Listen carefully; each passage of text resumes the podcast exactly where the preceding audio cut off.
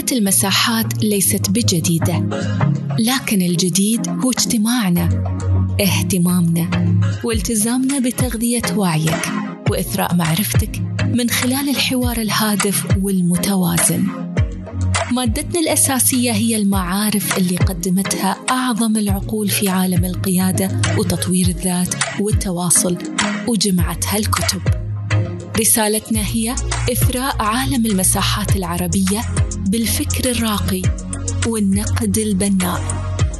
أما غايتنا فهي أن تتركنا في كل مرة وأنت بحال أفضل ومعرفة أعمق. حياكم في مساحة ابن رشد لقراءة الكتب.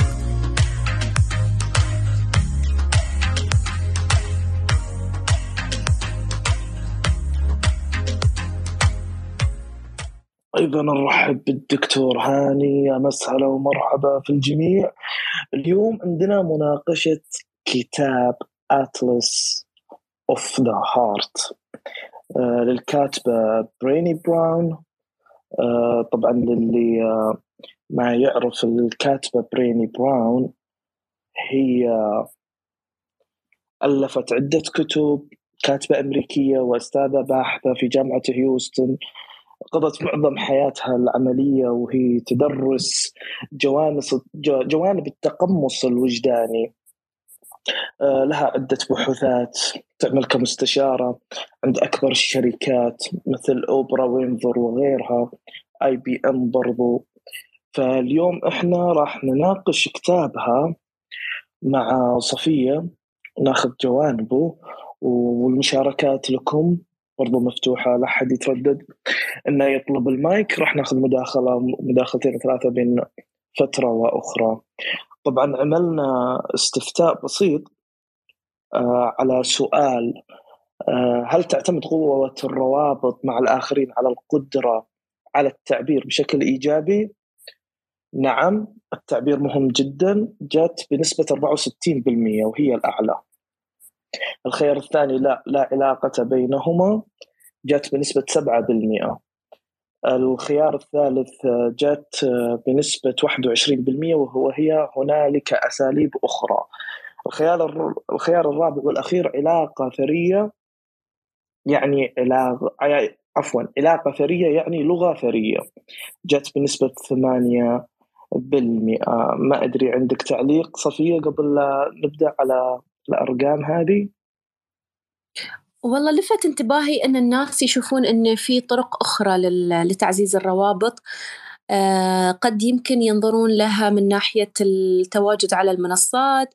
ممكن حد يفكر أن لغة الجسد أو اللغة غير اللفظية تلعب دور كبير جدي يعني دور كبير جدا في آه، يعني التأثير على الروابط والعلاقات مع الآخرين. ما أعرف الناس اللي فكروا أن لا علاقة لها بالعلاقات آه، شو كانت منطلقاتهم. يمكن ما ما يعني لهم فكرة أن التعبير آه، وتأثيرها العلاقات بالآخرين.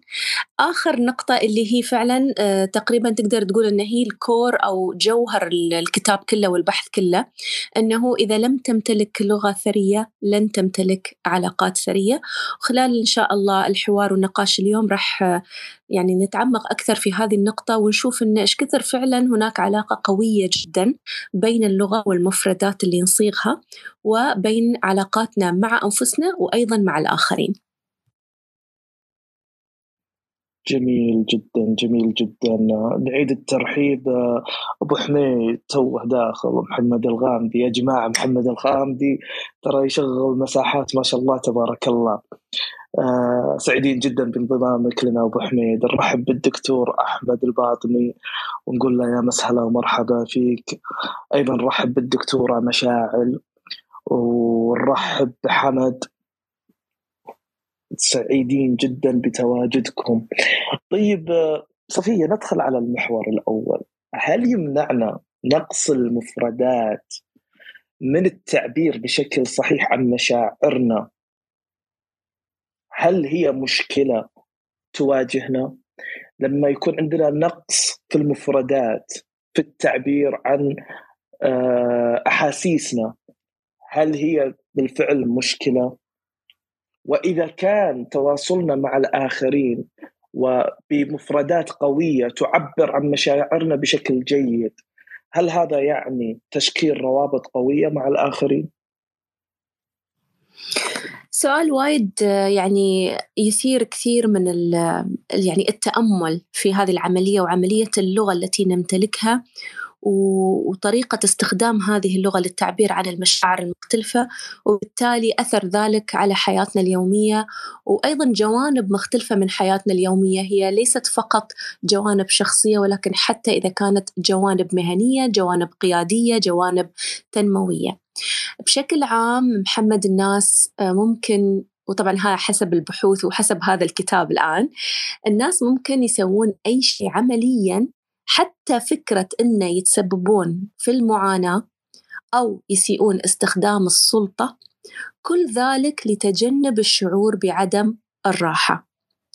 ف يعني نسبة صغيرة جدا من الأشخاص ممكن يتعاملون آه، مع هذا النوع من التعقيد في المشاعر وما يحدث في داخلهم من صراعات داخلية ممكن يتعاملون معها بمساءلة ودون الحاجة للجوء أن يلقون اللوم على الآخرين أو آه، يغلقون دائرتهم فيمنعون عملية التواصل.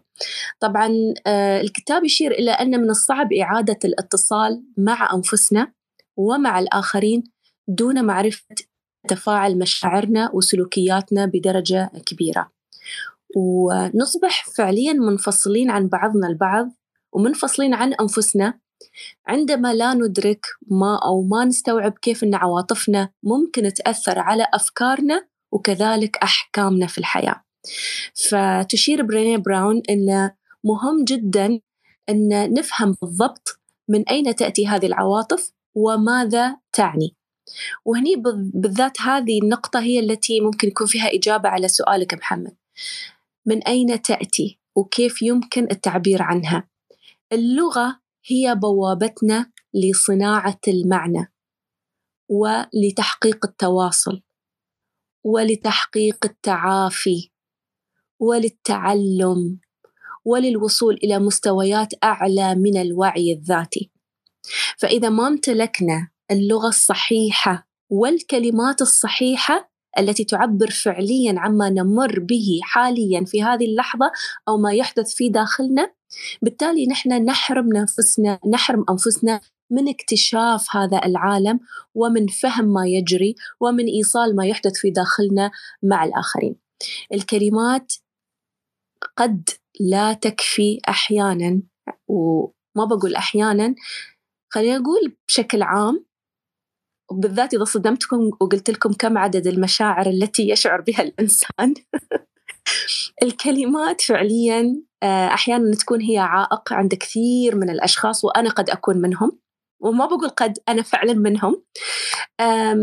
لا لا أتمكن من خلال حصيلة الكلمات والمفردات اللي أنا أمتلكها حاليا أن أعبر عن كل شعور بالتحديد وكيف هذا الشعور يأثر فيني.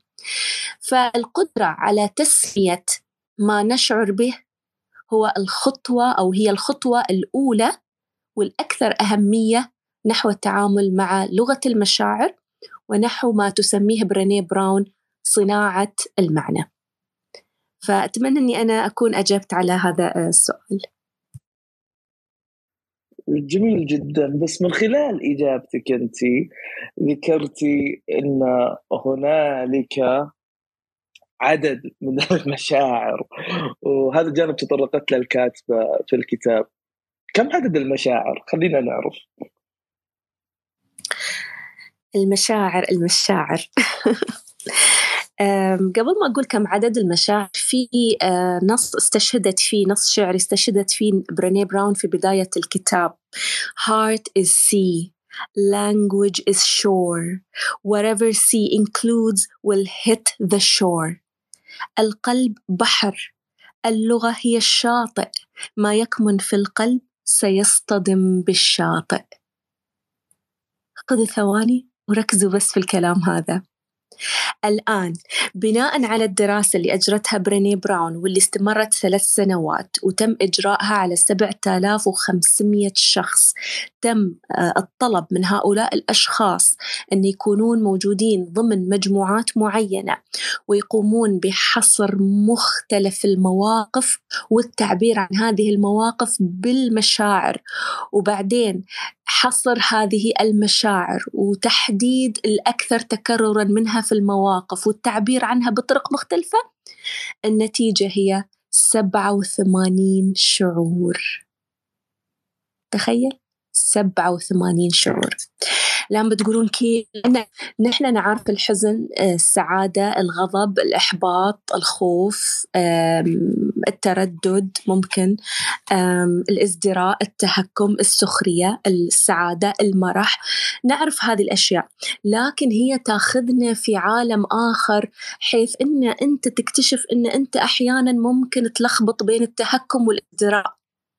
أنت ممكن تلخبط بين المرح والسعادة. ممكن ما تقدر تفرق بين الملل أو أي شعور ثاني آخر مقابل له لا يحضرني الآن. أو الفرق بين الغيرة والحسد مثلا. فكل شعور من هذه المشاعر ممكن يتداخلون. ممكن يختلطون عليك. فبالتالي ما تعرف تعبر بطريقة صحيحة وبالتالي المعنى لا يصل بطريقة صحيحة إلى الآخر. وأعتقد حتى يمكن أكثر شعورين يصير فيهم هذا الكونفيوجن هم الغضب وفي سلسلة أو مجموعة مشاعر كبيرة راح أتطرق لها خلال الحديث. آه، أيضا عندك الغيرة والحسد. ما تعرف فعليا أنت تفرق في فيما يحدث حاليا في داخلك. هل هو غيرة؟ أو حسد أيهما المحمود أيهما إيجابي ويعني جيد أنك أنت فعلا تشعر فيه في هذه اللحظة. أيضا من ملاحظاتي وأنا كنت أمر في هذا الكتاب شو كنت أسوي؟ لأن كنت وأنا أقرأ هذا الكتاب كنت أترجم كتاب ثاني على فكرة محمد. فمن ضمن الكلمات اللي كانت موجودة الحزن. الحزن تكرر يعني ما بين السادنس والجريف. الساد والجريف شو الفرق بين هالاثنين؟ لما جيت أدور آه، في في اللغة عشان أترجم آه، عندنا في اللغة العربية ترجمة واحدة هي الحزن. بس في الإنجليزي عندهم ترجمتين مختلفتين تماماً. للكلمتين ويعنون شيء مختلف تماما ولهم طريقة أخرى في التعامل في كل موقف. عندك اليأس وفقدان الأمل. شو الفرق بين اليأس وفقدان الأمل؟ فأمور مثل هذه أيضا حتى تختلط علينا لما ننقلها من سياق إلى سياق ومن لغة آه، إلى لغة. الكلام جدا جميل وفي كثير من الليفلات. محمد وقفني طيب جيد. جيد. آه المشاعر فعلا صعب إن الإنسان أصلا يتطلع عليها وقد تكمن صعوبتها في معرفتنا للغة اللي ذكرتيه انت قبل شوي. يعني آه إذا وقفنا عند كلمة الغيرة والحسد أنا يعني كمفهوم أفهمه بعيدا عن الكتاب. الحسد هو تمني زوال النعمة من الآخرين. الغيره قد يكون شعور تنافسي نبغى نبغى نفهم هل هذا مف... هذا هذا كلام صحيح؟ هل الكاتبة قالت آه كلام مشابه؟ أنت رأيك؟ هل الغيرة والحسد يتشابهون أم مختلفين؟ أيضا الخذلان والندم هل هم متشابهين أم مختلفين؟ آه، الشق الثاني ما سمعته محمد أيضا شو؟ الخذلان والندم مثلا يعني أنا الخذلان. أستشعر الخذ إيوه أنا شخصيا يعني من معرفتي الخذلان هو هو حالة تشبه الغدر. الندم تحسر على فعل شيء ما. لكن إحنا إلى نعم. الآن أنا أجهل حقيقة. آه، هل الكاتبة لها وجهة نظر أخرى؟ انت هل لك وجهة نظر أخرى؟ الكاتبة لها وجهة آه، نظر من ناحية البحوث. طبعا البحث اللي سوته اللي اللي خبرتك عنه يعني أو خبرتكم عنه. لكن أنا الفكرة أيضا في الكتاب محمد هي أن هي تعطيك definitions يعني ما تعطيك فقط آه، تعريفات مختلفة. هي أيضا أحيانا تعطيك خطوات تعطيك methods تعطيك frameworks كيف تستخدم كيف تتعامل في هالموقف. فهذا الشيء الجميل في هذا الكتاب. فهو عشان بس الناس اللي حاضرين الآن يسمعونا ويمكن بعدهم ما قرأوا الكتاب أو ما سمعوه هو ليس كتاب تعريفات بقدر ما هو كتاب غوص في المعاني غوص في المشاعر وضعها في سياقات مختلفة. المرور على methods و framework و models ممكن تساعدنا وأيضا هناك نظرية خاصة بصناعة المعنى في هذا الكتاب. الآن العودة إلى سؤالك. الحسد والغيرة. في هذا الفصل ال envy and jealousy ال envy اللي هو الحسد يظهر هذا الشعور عندما تتمنى شيء يحصل آه، يعني يكون موجود عند شخص آخر.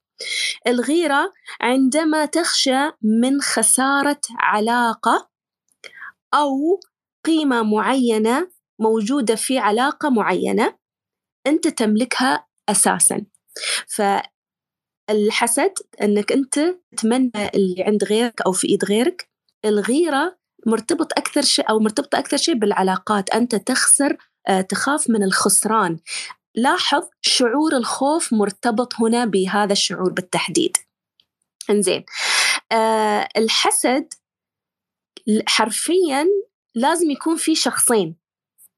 شخص واحد يفتقد إلى شيء موجود عند شخص آخر.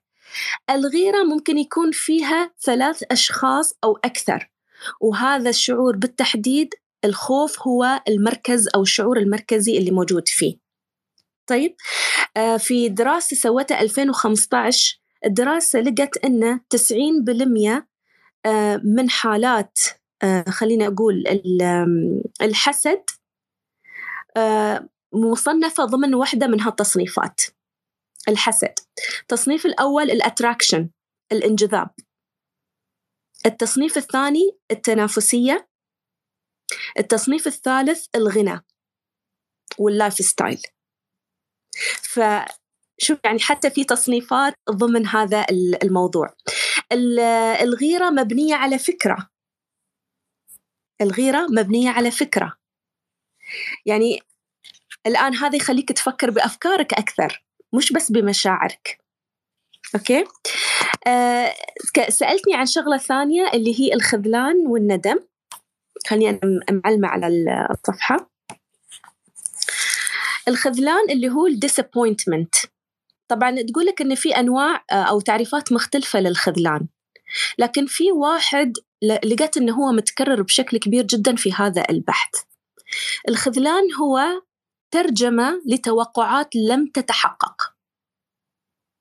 كلما عظمت توقعاتك كلما عظم خذلانك في الحياة. طيب. الآن هي تعطيك آه، حل لطريقة التعامل مع توقعاتك أيضا. آه، تقول لك لما أنت تطور توقعات معينة أنت ترسم فعليا صورة متخيلة للواقع وليس الواقع الحقيقي. بالتالي أنت تبغي كل شيء يتجانس أو يتماشى أو يتكيف مع هذه الصورة اللي موجودة في داخلك. أول ما تنهار هذه الصورة ماذا يحدث؟ أنت تصاب بالخذلان. الآن كيف تتعامل مع هذا الأمر؟ هي تسميه شيء اسمه رياليتي تشيك لازم يكون عندك آه، آلية للتحقق من الواقع. هل الواقع اللي أنت تنظر له هو فعليا الواقع اللي أنت قاعد تتخيله في في مخك؟ هل هو فعلا يتماشى مع الصورة الداخلية اللي في مخيلتك. هناك مجموعة من الأسئلة. ما هي التوقعات اللي أحملها تجاه هذا الموقف أو تجاه هذا الشخص؟ ما الذي أريده أن يحدث؟ لماذا؟ هذا الشيء إذا حدث ماذا سيعني ذلك بالنسبة لي؟ هل أنا عندي صورة؟ طبعا تقول do you have do I have a movie inside my head? هل أنا عندي صورة أو قصة أو فيلم أنا قاعد أو قاعدة أني أنا أتخيله في داخلي وبالتالي أبغي أترجمه على أرض الواقع؟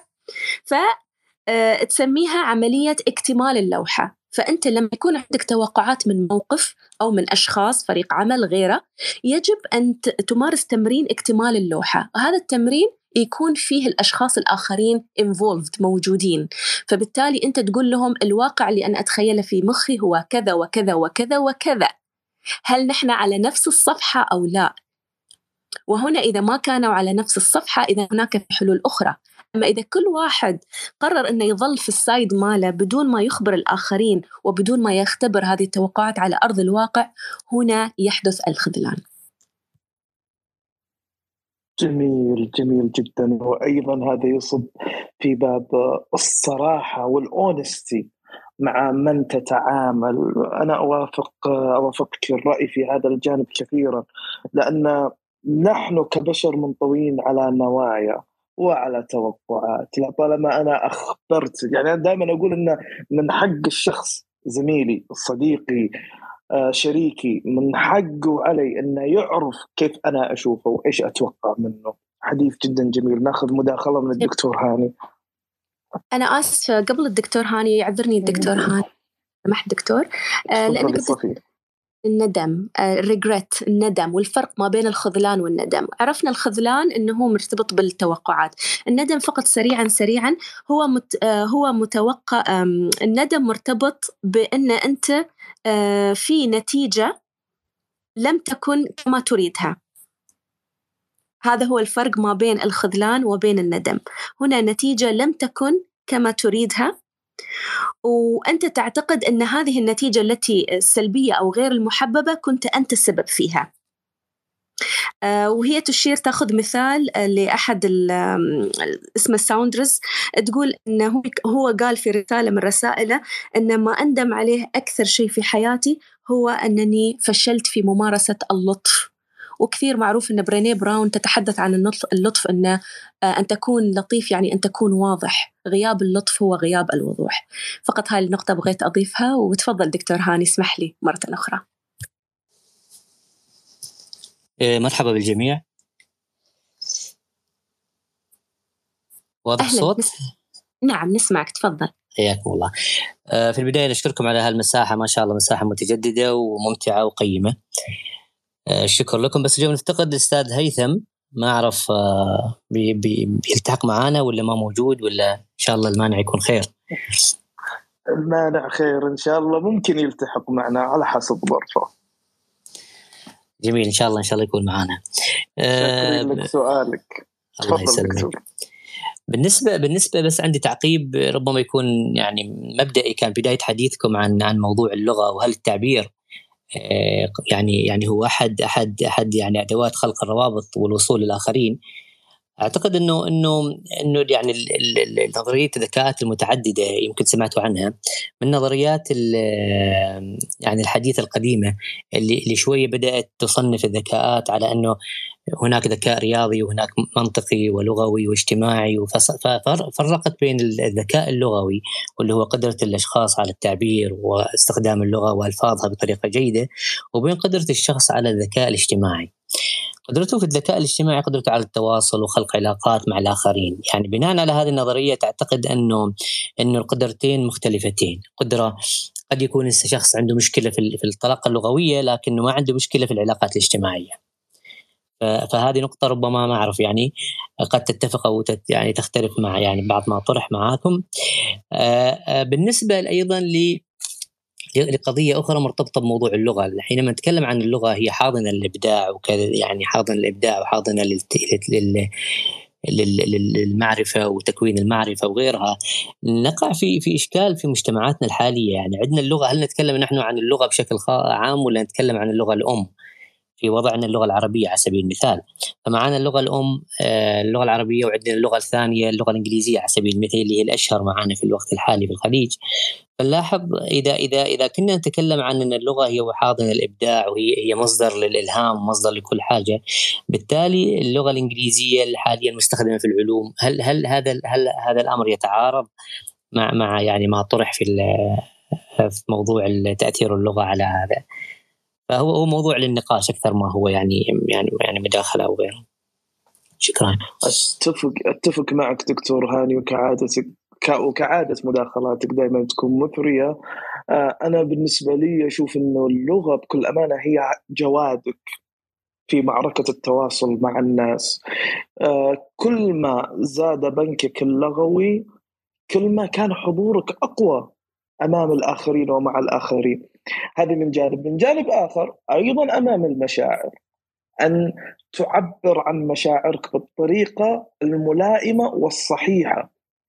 واللي يتفاعل معها المقابل الطرف المقابل. أنا أذكر في فترة من الفترات كنت موجود فيها في أمريكا مثلا لما أقول لهم I'm mad يعني أنا كنت أقول لهم أقصد أنا I'm mad إنه أنا معصب. ولكن تعني الكلمة أحيانا إن أنا مجنون. فكان يقول لي what do you mean what do you mean are crazy أقول لهم لا أنا مش crazy I'm mad أنا زعلان. فحتى في التواصل مع الآخرين في اللغة في تعليم اللغة من يتعلمون لغة أخرى برضو يواجهون هذا هذا الجانب. آه لكن عودة إلى المشاعر صفية. إيش ممكن نعمل لما ما أقدر أنا أتمكن من التمييز في مشاعري في معرفة كيف أنا أشعر. إذا ما أقدر أميز بين مشاعري إيش ممكن أعمل؟ إيش ممكن أسوي؟ التمييز اللي هو ال confusion آه وطبعا ال confusion هو عدم إيه، عدم القدرة على التمييز مثل ما تفضلت. I need time for my confusion. آدم جرانت يقول عدم القدرة على التمييز قد تكون uh, إشارة على أن هناك منطقة بحاجة إلى الاكتشاف في حياتك. يعني من الضروري استخدام شعور عدم اليقين أو عدم القدرة على التمييز كمفتاح لاكتشاف منطقة جديدة بحاجة إلى الاكتشاف وهي دلالة على أن هناك شيء يجب أن يتم تعلمه. آه عدم القدرة على التمييز يمكن استخدامه كحافز وكذلك كطريقة لحل إشكالية. آه كيف, نتح... كيف نتعامل مع الأمر؟ آه هناك عدد من الخطوات تعطينا إياها برينيه براون. التوقف عندما يكون عندك هذه الحالة من عدم اليقين وعدم القدرة على تمييز طريقك الآن أو ماذا تفعل أو ما هي الحلول تتوقف تاخذ نفس واستراحة تفكر تمعن في التفكير تتواصل. تخبر الآخرين أنك فعلا تشعر بعدم القدرة على التمييز أو ما عندك يقين تام بما يحدث فتتواصل مع الآخرين بهذا الشأن. تعمل على تطوير الحل المناسب للانتقال بك إلى المرحلة التالية. طبعا باستخدام أدوات التعليم المختلفة التي ستقوم باستخدامها. وآخر شيء المراجعة. مهم جدا أن تكون لك أيضا طريقة لمراجعة خطواتك ومراجعة أثر هذه الخطوات الجديدة على المرحلة الجديدة التي ستقوم بالدخول إليها أو طرقها أو المنطقة التي ستطرقها آه، في حياتك. آه، اللي أبغى يعني من الكتاب واللي أنا أبغى أقوله أن عدم اليقين الشك في في في مرحلة معينة أو في لحظة معينة يجب أن لا يمنعنا من التقدم يجب أن لا يتحول إلى حالة من الخوف آه، أو حالة من التردد بقدر ما هو يجب أن يتحول إلى حافز لاكتشاف ما هي يعني المناطق الجديدة التي يجب طرقها في حياتنا آه، والتعلم منها. حديث جدا رائع. ناخذ مداخلة من الأستاذ فهد. تفضل أستاذ فهد. السلام عليكم. وسعد الله مساكم ويعطيكم العافية.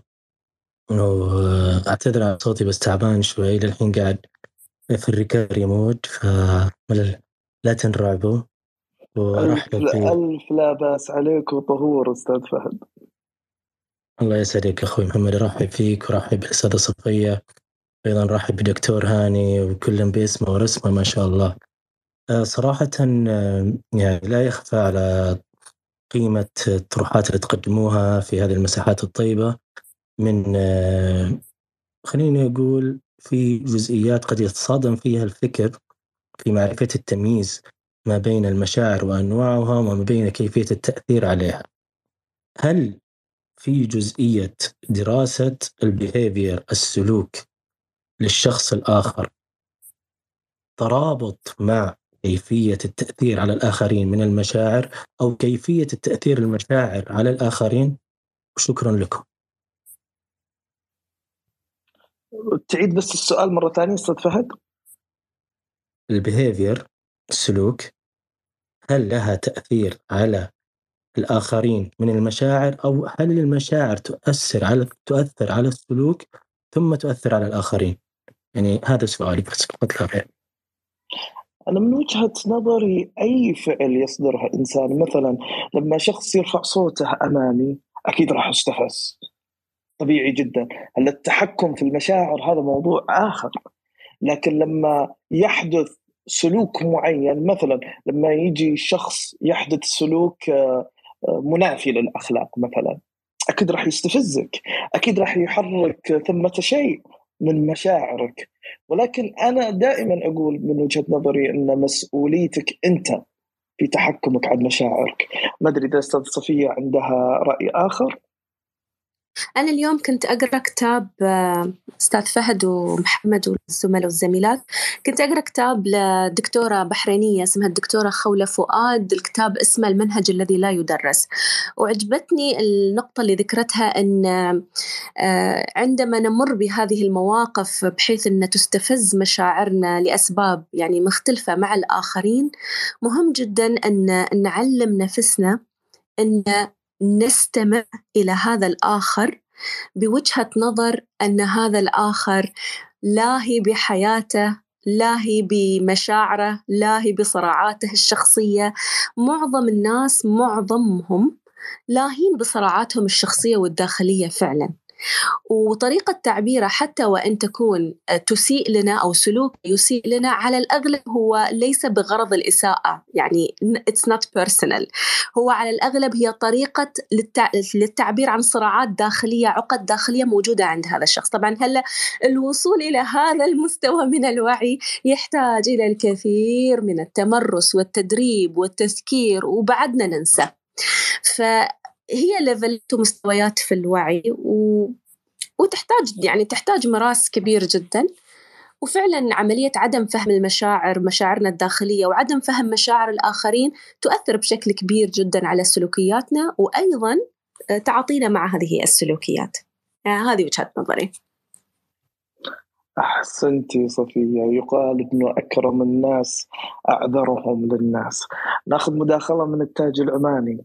تفضل عزيزي.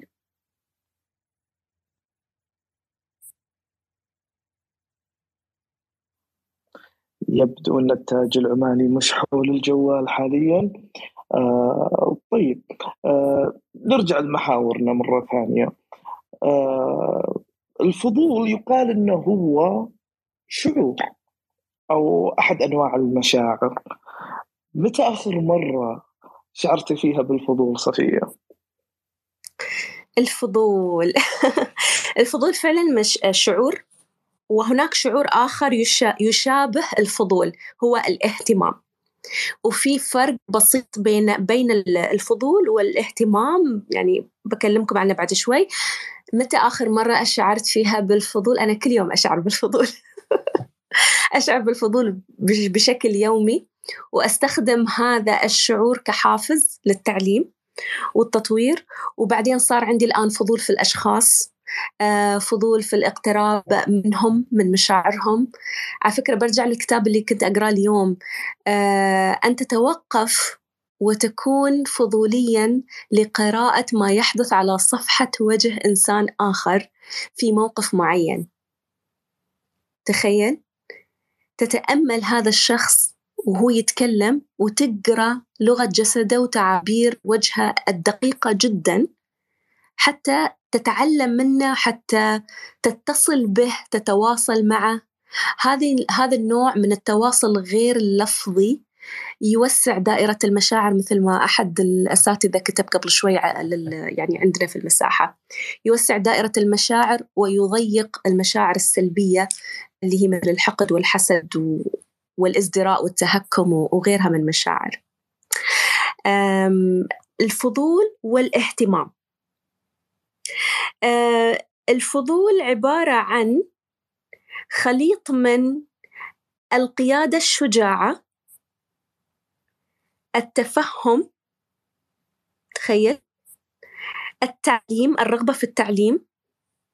يعني الفضول هو جزء لا يتجزأ من القيادة الشجاعة. كلاهما الفضول والاهتمام هما آه، ضرورة أساسية لصناعة المعنى في الحياة والاتصال بالآخرين. آه، الفضول هو عبارة عن سمة من سمات الشخصية وأيضا حالة ذهنية. بينما الاهتمام هو عبارة عن حالة ذهنية. شوف الفرق بين هذا وهذا. آه الآن الانترست هو عبارة عن انفتاح. الاهتمام هو عبارة عن انفتاحك للتواصل مع المواضيع والخبرات. بينما فضولك هو عبارة عن إدراكك أن هناك فجوة بين ما تعرف وما لا تعرف وبالتالي يحفزك بشكل كبير على استثمار مشاعرك أفكارك وأيضا استسلامك أحيانا لفكرة أنك لن تملك كل الإجابات هو جزء لا يتجزأ من عملية الفضول. لذلك إذا تتذكر قلنا عدم اليقين يجب التعامل معه أيضا كحافز وكمفتاح للتعليم. هناك شيء اسمه آه، سيكولوجية الفضول. فكيف يمكن استخدام هذا الأمر حتى تشعر بالفضول كل يوم في حياتك؟ بحيث أنك أنت تزيد وتفعل عملية التواصل وأيضا تفعل حالتك الذهنية والعقلية ووجودك حضورك على هذه الأرض. جميل جدا. أنا أتفق معك في جانب الفضول لأن الفضول يعد أصلا ألارم سيستم وهو اللي بيدفع الفيلسوف اللي بداخلنا. لكن يمين الله أنا أعتقد أنه الإنجليز ما عندهم الفرق بين الفضول واللقافة.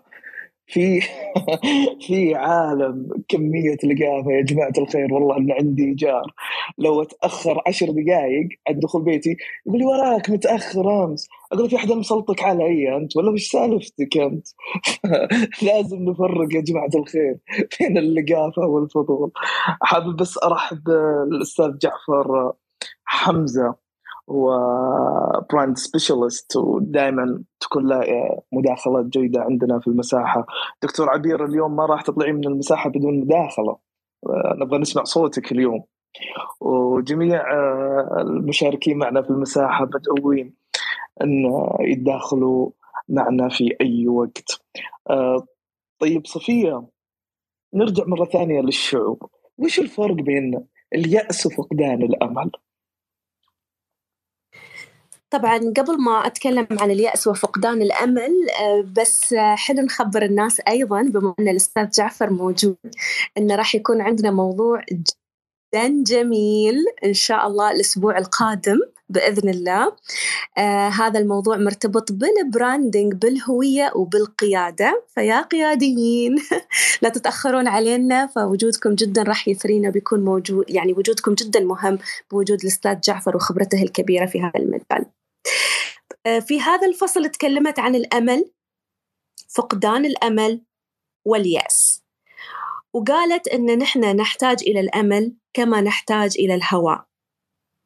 أن تعيش بدون أمل يعني أن تخاطر في عم أن تخاطر يعني تخاطر بمعنى أنك أنت تعيش حياة كأنك مختنق. آه المخاطر الإيجابية آه، يمكن كسرها. آه، المخاطر الإيجابية التي يعني تدفعك للقيام بشيء أفضل في حياتك يمكن كسرها عندما تفقد هذا الأمل. وبالتالي تفقد فرصة أن تتطور. يوم تختبر الأمل في حياتك يعني أنت عندك قدرة على جعل أهدافك واقعية. عندك قدرة على تحديد خطوات جديدة. عندك قدرة على أنك أنت تؤمن بنفسك. هذا هذا كل الكلام عن شو؟ عن فكرة الأمل. لكن شو الفرق بين فقدان الأمل واليأس؟ فقدان الأمل اللي هو hopelessness آه هذا الشعور بالذات يتشكل عندما يكون هناك خليط من الأحداث السلبية في الحياة زائد نمط تفكير سلبي زائد أسلوب في لوم الذات. أن أنت كشخص لك علاقة كبيرة في سوء آه، مسار الأحداث في حياتك. وبالتالي تبدأ آه، تعايش شيء من آه، يعني من نوع من فقدان الأمل. تقول برينيه براون أن فقدان الأمل شيء جاد ولا يمكن أن نحن نستخف بهذا الأمر أو نستسهله. هو فعلا شيء جاد. بعد ما يتحول ويصير مثل نوع من الحالة الذهنية عند الأشخاص يتحول إلى يأس. الآن أنت فعلا تكون في منطقة خطر كبيرة. اليأس معناته أن الشخص يؤمن أن حياته كلها بلا فائدة. وبالتالي يصير صعب عليه أن يرى أي قوة نور وأي مجال للتحسين وأي مجال للتغيير في حياته. هذه خطورة إذا ظل الإنسان يعيش فترة طويلة مثل ما قلنا الكومبينيشن كلها إنه يلوم نفسه طول الوقت إنه آه يشوف إنه دائما الأحداث كلها سلبية وإنه دائما يمارس نمط من التفكير السلبي في حياته. آه هناك أشياء مرتبطة آه لما نتكلم عن آه ممارسة الأمل هناك أشياء مرتبطة بالشخصية نفسها هناك أشياء مختص يعني مرتبطة بعملية الممارسة وهناك أشياء مرتبطة بعملية الانتشار. كيف ينتشر هذا الشيء ضمن سياق حياتك بشكل كامل؟ آه هذا هو ما يتعلق بمسألة فقدان الأمل اليأس والأمل نفسه. جميل. جميل جدا. ناخذ مداخلة من محمد بن عبد العزيز. تفضل أبو حميد.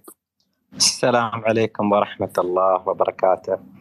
عليكم السلام ورحمة يا مرحبا. مساكم بالخير. يا مرحبا فيكم. عندي مداخلة بخصوص آه، السلوك السلوك الناتج آه، عن آه، مشاعر. قد تكون هاي المشاعر تلقائية وقد تكون مشاعر مصطنعة. كيف يمكن يعني نميز بينها؟ وهل العقائد والأفكار في العقل الباطن تتحكم بمشاعرنا أو المشاعر يحكمها القلب. يا الله يا محمد أنت تبغي لك بروفيسور و psychologist هني؟ ولا واحد. الله يحفظكم الله يحفظكم. بس من قراءاتي طبعا قبل ما أنا أقول إذا محمد أو أي أحد من الدكاترة أو الاساتذه عنده إجابة يا ريت يعني يشاركنا. الدكتور أحمد أو الدكتور هاني. أو أستاذ فهد. أيوة أستاذ صفية. تفضل. آه، في مساحة سابقة كانت أعتقد قبل أسبوعين هذا الموضوع طرح فيما يتعلق بتأثير العقل الباطن. هل هل هل يتحكم في, في الإنسان يعني العقل الباطن أو غيره أو هو المشاعر قصدهم القلب. فمن خلال دراسات يعني علم النفس تشير على أنه تقريبا 95% من مشاعر من من من من يعني من حياتنا يتحكم فيها العقل الباطن. يعني جميع الخبرات السابقة اللي عاشها الإنسان خلال فترة حياته هي اللي شكلت الآن تشكل سلوكياته تشكل أفكاره ومشاعره وأحيانا يعني تحصل تحصل لدى الإنسان الكثير من من الأشياء اللي هو يعني غير قاصد إنه يعملها كيف العقل الواعي لكن هو يقوم بها يعني لا اراديا. وكانوا دائما يدللوا على على مثال يعني ممكن يكون يعني واضح شوية في هذا الموضوع. يقول لك لما لما تقود السيارة على سبيل المثال فترات يعني مسافات معينة أحيانا تصل البيت وتفكر وتسأل نفسك سؤال أنا كيف وصلت يعني؟ أنا كيف مريت على الإشارة الفلانية أو الشارع الفلاني أو كذا؟ ما ما ما قاعد تتذكر تستذكر المواقف اللي مريت فيها خلال هذه الفترة. بالتالي الحياة يعني عقلنا الباطن هو اللي يتحكم في حياتنا وهو اللي يدير حياتنا. حتى في اللحظات اللي إحنا العقل الواعي ما شغال. يعني يعني الحياة بهذه الطريقة.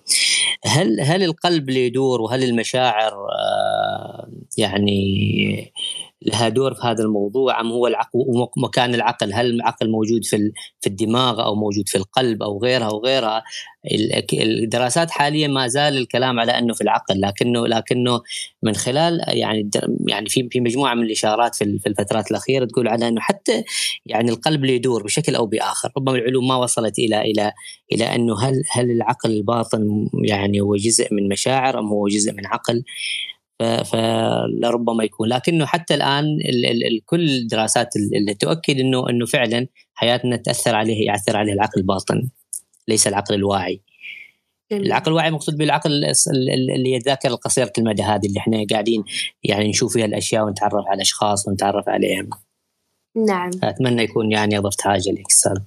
جميل جدا دكتور هاني. وعلى فكرة نحن يعني أنا ومحمد وهيثم كنا حاطين في بالنا أن في وحدة من المساحات القادمة نناقش كتاب اسمه The, The Chimp Paradox. للأسف ما ما لقينا آه فعلا آه، عندي مداخلة صفية إيه تفضل محمد تفضل. هي. آه الله يجزيك خير دكتور هاني. آه، عندي مداخلة إن بالنسبة للقلب ممكن يكون ال ال الأول يتحكم فيه القلب. يعني نتكلم على مثلا الزوجة وغيرة الزوجة. فرضا أعطيكم مثال يعني. أول شيء بيحكمها شو؟ مشاعرها من القلب.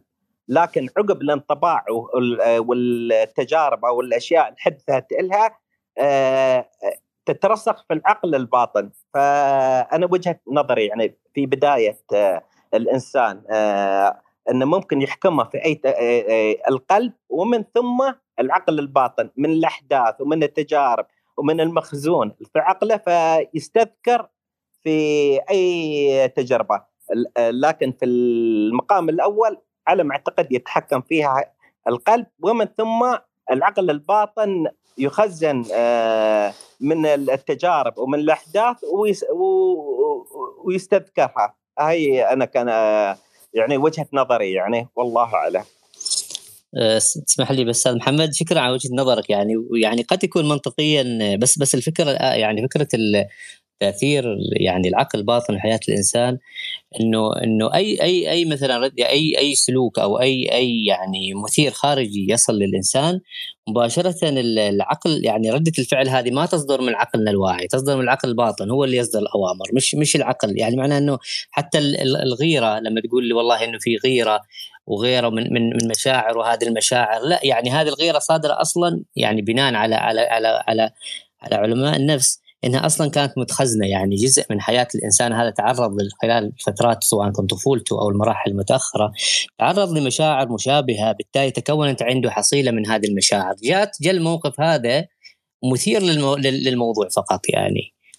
فهي هي ما حصلت في في أصلا في مرحلة الآن يعني هي مش ردة فعل آنية من الآن. عشان كذا تحصل الناس تتفاوت تحصل أشخاص يتفاوتوا في موضوع المشاعر وردود الأفعال على الرغم إنه هذا مش, مش يعني على الغيرة والشك وال والقلق هذه كلها مشاعر كل يصاب فيها. لكن هناك درجات في أشخاص ردة فعلهم تكون قوية فيها لأنه تعرض لمشاعر في الط... وفي الغالب يعني علماء النفس دائما يقولوا أنه مراحل الطفولة هي المراحل اللي اللي تأثر واللي يعني واللي, واللي تخزنت فيها كل هذه المشاعر. يعني المشاعر السلبية اللي تعرض لها الطفل سواء كان مشاعر سلبية أو إيجابية. يعني في الحالتين يخزن لدى يعني الإنسان وتبدأ في لما يكبر ردات فعله كلها متأثرة بهذه المرحلة. عشان كذا من الكتب الجميلة اللي ناقشتها المساحة أتوقع قبل أسبوعين أو ثلاثة اللي هو كتاب الإيجابية البوزيتيفيتي الكتاب هذا يتكلم عن علم النفس الشامل والدكتوره الموجوده هو, هو مش كتاب مؤلف. يعني إحنا بس نريد نفرق بين يعني المصادر الموجودة. في كتب يتم تأليفها يعني ذاتيا بحيث إنه إنه الكاتب يعني ياخذ مراجع من هنا ومن هنا ويبدأ ينشر كتابه. وفي كتب أخرى كتب علمية يعني هو صح كتاب لكنه بناء على دراسات كبيرة. يعني يعني دكتورة متخصصة بروفيسور كانت في علم النفس الشامل ال holistic psychology فجاءت هذه الدكتورة ودرست السلوك الإنساني ودرست المشاعر ودرست يعني الالاف من الأشخاص. وخرجت مجموعة من الأفكار في هذا الكتاب وعرضت على أنه مشاعر مشاعر الإنسان يعني المشاعر والسلوكيه يعني يعني الإنسان يعني بناء على على, على الدراسات العلمية اللي توصلت إليها إنه العقل العقل البشري بيستطيع إنه يشفي الجسم والجسم يستطيع إنه يشفي العقل.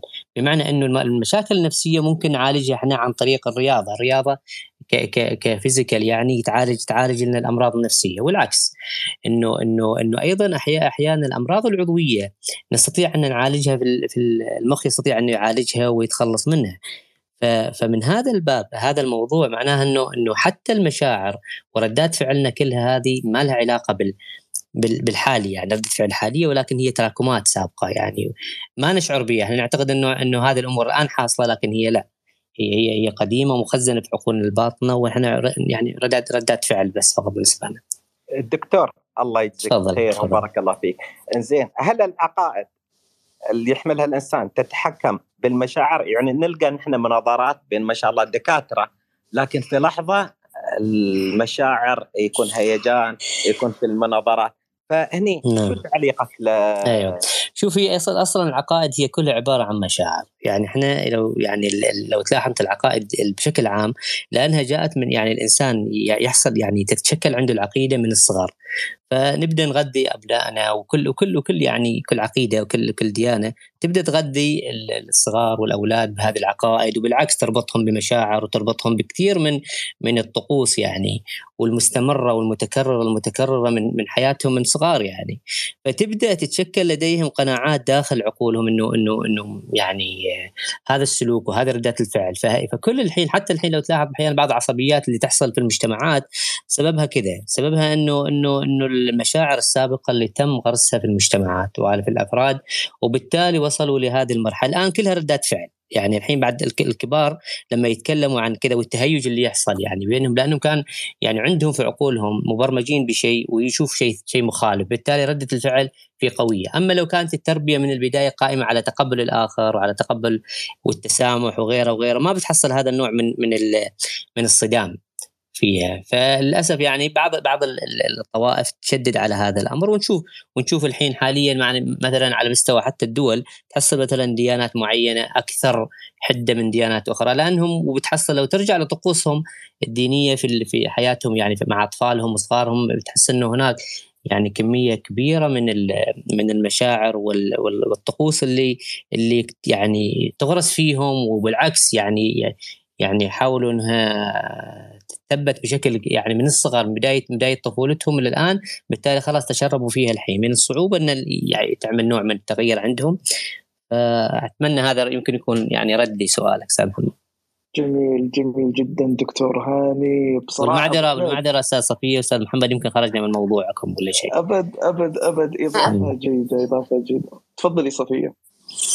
لا ابدا محمد بس أقول يعني خدمتكم وطبعا شكرا لك دكتور هاني ومحمد يعني ما قصرت على طرح هذه الأسئلة. آه إن شاء الله خلال المساحات القادمة في كتاب نحن ناويين نعرضه آه يتكلم عن الدماغ نفسي يعني بشكل دقيق جدا وكيف يتعامل الدماغ مع العاطفة كيف يتعامل مع الوعي واللاوعي وكل هذه الأمور. ان شاء الله تكون حاضر وتستفيد من من الجلسة. آه, آه، أستاذ صفية بس آه، عفوا. إي تفضل. أيوه أعتقد يعني أكثر أفضل كتب يعني علم النفس في اللي يتكلم عن عن عقل الباطن وعن غيره الكتب الخاصة بالدكتور جوزيف ميرفي. من يعني تعتبر هاي كتب من الكتب المتخصصة في هذا المجال ويشرح بتفاصيل يعتبر هو مرجع من مراجع الموضوع هذا. ربما يكون إذا اللي حاب إنه يقرأ فيه واللي يستفيد يستضيف يعني يستزيد منه أو إنكم تقترحوه كاحد الكتب اللي يتم مناقشتها في في المساحة في الفترات القادمه قد يكون يعني خيار جيد. شكرا. جميل جدا دكتور هاني وإحنا دائما وابدا اقتراحاتكم في الكتب ناخذها بعين الاعتبار ونحطها ضمن أولوياتنا. بس أبو حميد والله سؤالك يمين الله شمع ريحة بارود. كيف؟ ما شاء الله تبارك الله. سؤال جدا آه، عميق وبكل أمانة يحتاج إلى إجابة فلسفية نفسية مثل ما تطرق لها الدكتور هاني. دكتور أحمد عارف طولنا عليك لكن أنتم أهل الكويت كلهم المساحة لك. تفضل الله يسعد مساك ومساكم الله بالخير وشاكر لكم والأستاذة صفية على إتاحة الفرصة لي. أنا أول مرة أشارك وياكم ولكن فعلا لفت انتباهي آه، الكتاب ويمكن أنا شوي دخلت شوي على ال search على الكتاب وأنا أشكركم إن هذا الكتاب يمكن إصدار جديد لهذا العام وهذه نقطة مهمة إنكم تطرحون الكتب اللي يسمونها ال updating هذه اللي تفيد الحقيقة القارئ وتفيد كيف الإنسان يبني شخصيته. من خلال فهم ذاته يعني. أنا ودي بس أقول إن مثل هذه الكتب بصراحة يعني فعلا تغذينا آه، وتفيدنا في كثير من من مناحي حياتنا. المشاعر يعني يمكن اللي تيبه الكاتبة آه، من من من من تعدد المشاعر اللي تينا في الحياة. يمكن هو يمكن إحنا نعرفه من زمان. وهاي ميزة اللي يكتبون الأجانب لما يكتبون كتاب يأصلون فيه فكرة هذه المشاعر إخواني واخواتي هي مثل الدوافع. الدوافع عند الإنسان يقول علماء النفس إن خاصة الكبار البالغين ساعات يخلطون كثير بين بين دوافعهم. أعطيكم مثال يعني أنا لما أروح أدور على وظيفة هل أو أو, نوع معين من الوظيفه هل أنا أختار هذه الوظيفة عشان الراتب ولا عشان مركز اجتماعي؟ ولا علشان شيء ثالث؟ اختلاف هذه الدوافع الثلاثة اللي في لهدف واحد هو نفسه بالضبط اختلاف المشاعر عند الإنسان. ساعات إحنا نتعامل مع شخص نقول هل أنا أحبه ولا أحترمه ولا أقدره؟ فهذه الثلاث مشاعر اللي تدخل مع الإنسان هي الكاتبة تعطيك إياها بشكل يعني شوية تفصيل. وين تلقى نفسك أنت وين بهالمشاعر؟ الأجانب مثل العرب الأجانب عندهم مفردات في اللغة الإنجليزية يسمونها السينما واللي واللي يمكن درس بأمريكا أو المرفدات المردفات المتقاربة. يعني على غير فوق. لما أقول above غير لما أقول اون هني سبحان الله الكاتبة يا سبحان الله اختلقت لنا ال 85 مش شعور واعطت لك مثل أنا هذا اللي افهمه ترى أنا ما ترى ما قريت الكتاب ولكن فهمته من من شرح الاستاذه صفيه على ان إحنا مشاعرنا مختلطه فكيف إحنا نساعد نفسنا على ان نحدد المشاعر، شنو اللي يحدد المشاعر مالتنا؟ تجربتنا، المخزون اللغوي، التجارب السابقه، العمق فهم النفس، لأنك أنت إذا فهمت الشيء فهمت معناه. وأنا بس والله داش أشكركم على إتاحة وأنا صراحة سويت أوردر على الكتاب آه، عشان نطلبه من من الخارج آه، لأن ما لقيت مترجم. يعني ما كله باللغة الإنجليزية بحسب ما أفهم. وأنا شاكر لكم على إتاحة الفرصة. وأنا اكد على آه، على ما قال الدكتور هاني بأن عواطفنا مصدرها العقل لأن العلماء علماء النفس حتى علماء التشريح أفادوا أن العقل هو مصدر المشاعر عند لدى الإنسان.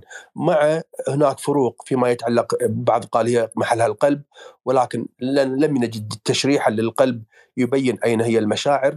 ولكن لما سبحان الله كثير من ال من ال من ال من النظريات العلمية والبحوث العلمية والتشريحية أكدت على أن المشاعر هي مصدرها العقل. وشكرا على إتاحة الفرصة لي.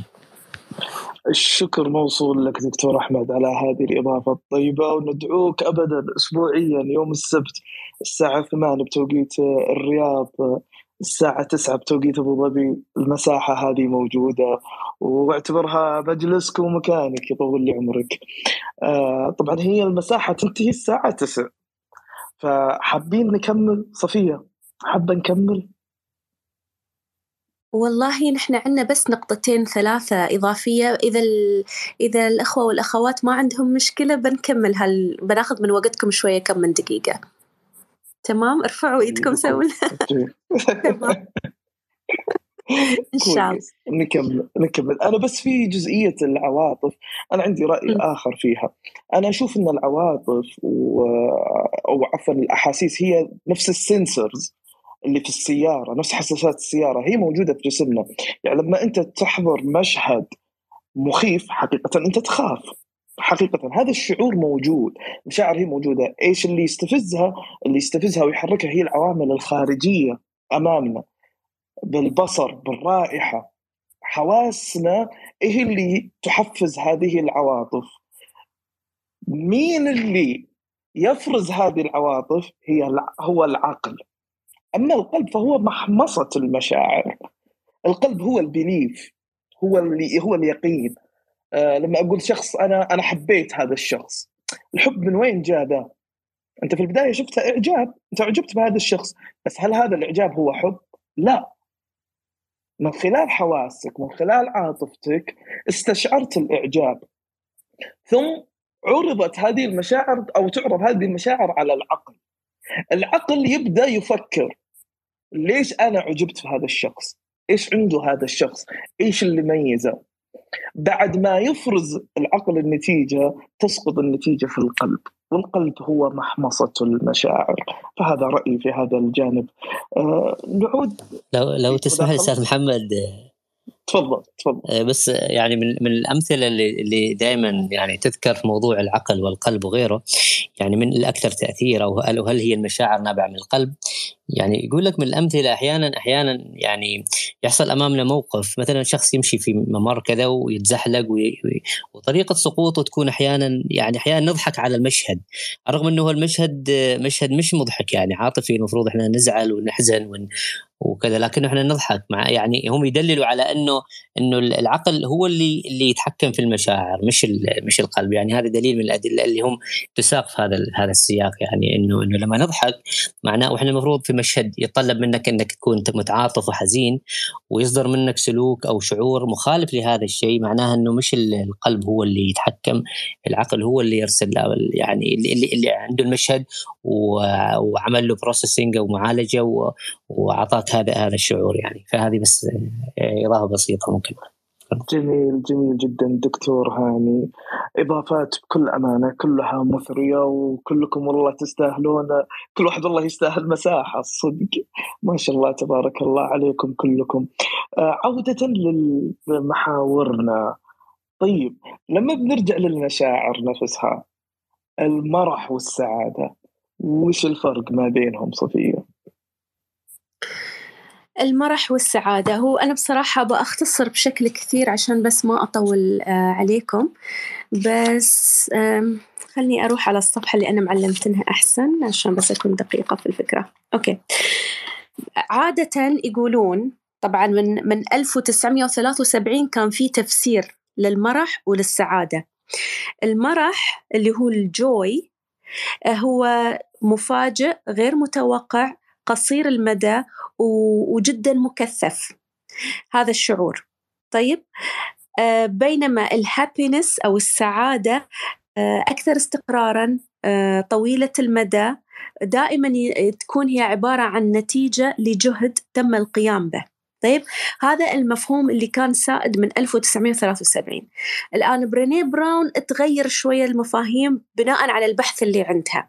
بالنسبة لها بناء على هذا البحث المرح هو عبارة عن شعور مكثف ناتج عن اتصال روحي مقرون بشيء من المتعة والتقدير. تخيل كم شعور مرتبط بالمرح من خلال هذا البحث. طبعا قالت كلمة جدا جميلة الثقافات التي تمتلك آه، في حصيلتها اللغوية الكثير من الكلمات التي تصف هذا النوع من الحالة الشعورية تعتبر ثقافات يعني يمكن تصنيفها على أنها ثقافات مرحة أو ثقافات تعود لمجتمعات معروفة بالمرح. تمام؟ بالنسبة لل آه لل happiness آه أو السعادة من خلال ال data أيضا أو من خلال البحث هذا هو عبارة عن شعور بالمتعة دائما يكون مرتبط آه بوضع بيئي حدث فجأة أو بحدث يعني يحصل في هذه اللحظة يعني آنية. إذا هي ترى أن السعادة آنية والمرح هو الشعور المستدام أو الدائم طويل المدى. هذا تفسيرها هي طبعا على حسب ال research الأخير لأن أنا دائما كنت أشوف لما أسمع الفرق بين ال joy وال happiness دائما الأشخاص آه، يفسرونهما بطريقة مختلفة تماما، كل واحد يفسرها بطريقة أخرى، لكن الآن حسب البحوث هذا الفروقات ما بين 1973 وما بين 2020 آه، أو 2019 يوم بدأت هذا البحث. في شعور آخر قلت بخبركم عنه اللي هو الغضب. محمد أتكلم عنه؟ تفضلي تفضلي. الغضب آه، هو الشعور الناتج عن أنك أنت لم تحقق ما تريده. يعني هناك شيء حدث وعرقل الناتج النهائي الذي تريد أن تحققه أو آه هذا الشعور يكون ناتج على أن هناك حدث انتهاك أنت لا تقبله. طيب؟ هذا الشعور is an action emotion. شعور مرتبط دائما بالفعل. يفعل أعصابك يختطف أفكارك ويختطف سلوكك في نفس الوقت. الآن دائما ما قيل أن الغضب شعور آه ثانوي وهناك أشخاص آخرين يقولون أنه هو شعور أساسي. لكن برينيه على حسب هذا البحث هي تقول أنه شعور ثانوي وهو ينتج عن 11 يعني أحد واحد من ال 11 شعور اللي بقول لكم إياهم. طبعا ما بقدر أقولهم كلهم. بس تخيلوا أنه ممكن واحد من هال 11 شعور يكون هو ورا الغضب. الخزي الحزن الخوف الذنب آه، الخذلان القلق الغيرة آه، الجرح أو الألم. هذه كلها ممكن تكون مشاعر أو أحد المشاعر التي تتسبب في حالة الغضب وبالتالي تدفع الشخص للقيام بردة فعل. دائما الغضب مرتبط بردة فعل. آه، حط في بالك إذا ما كانت في ردة فعل فيزيكال تحدث على أرض الواقع ممكن يبدأ الإنسان يحدث ردة الفعل هذه في داخله. وبالتالي يبدأ شو؟ يسمم لك جسمك يسمم لك جسدك فعليا يسمم لك شعورك وجسدك. لذلك رسولنا الكريم صلى الله عليه وسلم قال لا تغضب لا تغضب لا تغضب. وهذا الشيء ما قال من فراغ لأنه هو فعلا شعور سام. والآن من خلال العلم اكتشفنا أنه هو في وراه أحد عشر شعور آخر. هذا بالنسبة للغضب. هناك فكرة جدا جميلة وبقالي بس نقطتين وبنهي المساحة عشان ما أطول عليكم. يعني بننهيها. محمد في يعني سمعت مرة بفكرة الفرسان الأربعة؟ The Four Horsemen لا ما سبق لي. إنزين. الفور هورسمن أو الفرسان الأربعة هذه نظرية آه، تتكلم عن أربع مشاعر. هذه المشاعر تتسبب في هدم العلاقات. شخصية أو مهنية. أول شعور الكريتيسيزم النقد. الشعور الثاني الدفاعية. الثالث الازدراء. الرابع المماطلة. هالأربع أشياء يسمونهم الفرسان الأربعة. طبعا في في الكتاب لما بترجعوا له مسوية هي جدول وفصل كامل عن هذا الموضوع وتقول لكم كل فارس من هالفرسان الأربعة كيف يجب التعامل معهم عندما يحضرون في الموقف كي لا يتم خسارة العلاقات الإنسانية أو المواقف كلها وبعدين الوصول إلى حالة الرجرت الندم التي لا عودة من بعدها في معظم الأوقات. آه، آخر نقطة الأعداء القريبين. ولقيت هذه الفكرة جدا مثيرة للاهتمام. الآن أنا أتكلم مثلا محمد عن فكرة الثقة أوكي؟ الثقة هي مهارة هي تعتبر أيضا من المهارات هي تسميها مهارة. مهارة الثقة هذه. وهناك آه، ال acronym اللي هو BRAVING اللي هي مشهورة جدا فيه يفصل في موضوع الثقة. كلمة BRAVING acronym لتفسير الثقة بالضبط. طيب. الثقة ال near enemy اللي هو العدو القريب لموضوع الثقة. أن الشخص يعتقد أنه يعرف ويحاول أنه يثبت معرفته. هذا أحد أعداء الثقة القريبين. هناك عدو آخر هي تسميه عدو بعيد للثقة. يعني نحن ما نقدر نقول إنه هو موجود يعني هي مهارة أو شيء موجود فينا بس ما نربط أبدا إنه ممكن يؤذي موضوع الثقة. الفار انمي للثقة هو السلف وورث الاحترام أو التقدير المبالغ فيه للنفس ومحاولة آه، حماية هشاشتك الداخلية بهاي الطريقة. هذا يعتبر عدو بعيد للثقة. لو إني عند النقطة الثانية مثال كمثال آخر مثلا الذكاء العاطفي والاجتماعي. هذه مهارة جدا مهمة. شو هي العدو القريب لهذه المهارة؟ أنك أنت تقوم بصياغة مشاعرك وعاطفتك ومهارتك الاجتماعية والعاطفية وفق معرفتك الشخصية فقط. فهذا من الأعداء القريبة لمهارة الذكاء العاطفي والاجتماعي.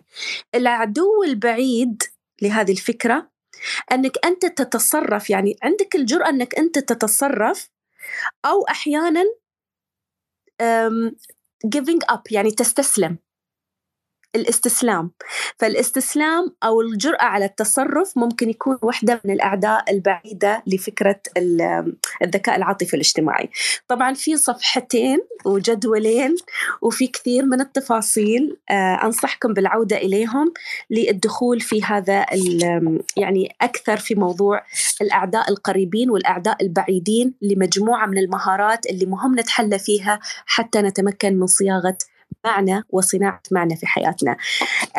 بهذا أنا بالنسبة لي أكون محمد يعني قلت تقريبا معظم النقاط اللي بغيت أني أشاركها اليوم مع الأخوة والأخوات في المساحة. جميل جدا. وبارك الله في طرحك وفي قولك. آه نعم مثل هذه الإجابات مثل هذه المفاهيم مثل هذه الأطروحات حقيقة نحن نحتاج أن نفهمها لأن إحنا أيضا كمجتمعات شرقية آه خلقنا بطبيعتنا متواصلين مع الناس متواصلين مع اللي حولنا. إحنا مجموعات بشرية أتت من قبائل من عوائل وبالتالي ربينا على كيفية التواصل مع الناس. ولكن هل هذه الكيفيه دائما تكون مجدية؟ مثل هذه الكتب بكل أمانة تجيب على الكثير. في معرفة ذواتنا ومعرفة كيف نتواصل مع الآخرين. وصلنا إلى نهاية المساحة. إذا أحد عنده إضافة تعليق دكتورة منى والله تمنيناك معنا من البداية. لكن إن شاء الله الجيات أكثر. تفضلي صفية. حياك الله دكتورة منى. لك وحشة بصراحة. أستاذ حسن شكرا لوجودك معنا اليوم. وصبرك علينا أيضا. دكتورة مشاعل. أنصحكم تتابعون الدكتورة مشاعل لأنها باحثة أيضا مهتمة بموضوع جدا مهم اللي هو الخلايا الجذعية. أه بس أبغى أذكر محمد أن تاريخ 22 أكتوبر هذه الجلسة راح تكون مخصصة أه مع للحديث مع الأستاذ جعفر حمزة حول موضوع الهوية الشخصية وصناعة الأثر. محاور كثيرة عن الهوية الشخصية أه بنائها أه كيف تتداخل عناصر التسويق الشخصي مع صناعة الأثر ليش نحن محتاجين مؤثرين شو علاقة هذا الأمر بالقيادة أه شو هي أبرز أدوات العصر اللي ممكن يتم استخدامها لصناعة التأثير فعلا ولصياغة هوية شخصية مؤثرة. محاور كثيرة إن شاء الله. حضروا أسئلتكم لا تنسون لأن أستاذ جعفر وجوده جدا ثري وإجاباته فعلا يعني ما تتكرر. فإن شاء الله ننتظركم بتاريخ 22 أكتوبر. بإذن الله. وعلى فكرة أستاذ جعفر هذا هو موجود معنا. جعفر حمزة موجود معنا في المساحة. آه فمتابعته برضو. راح تضيف لكم الشيء الكثير. إلى هنا نستودعكم الله ومساء جميل. نلتقيكم الأسبوع القادم.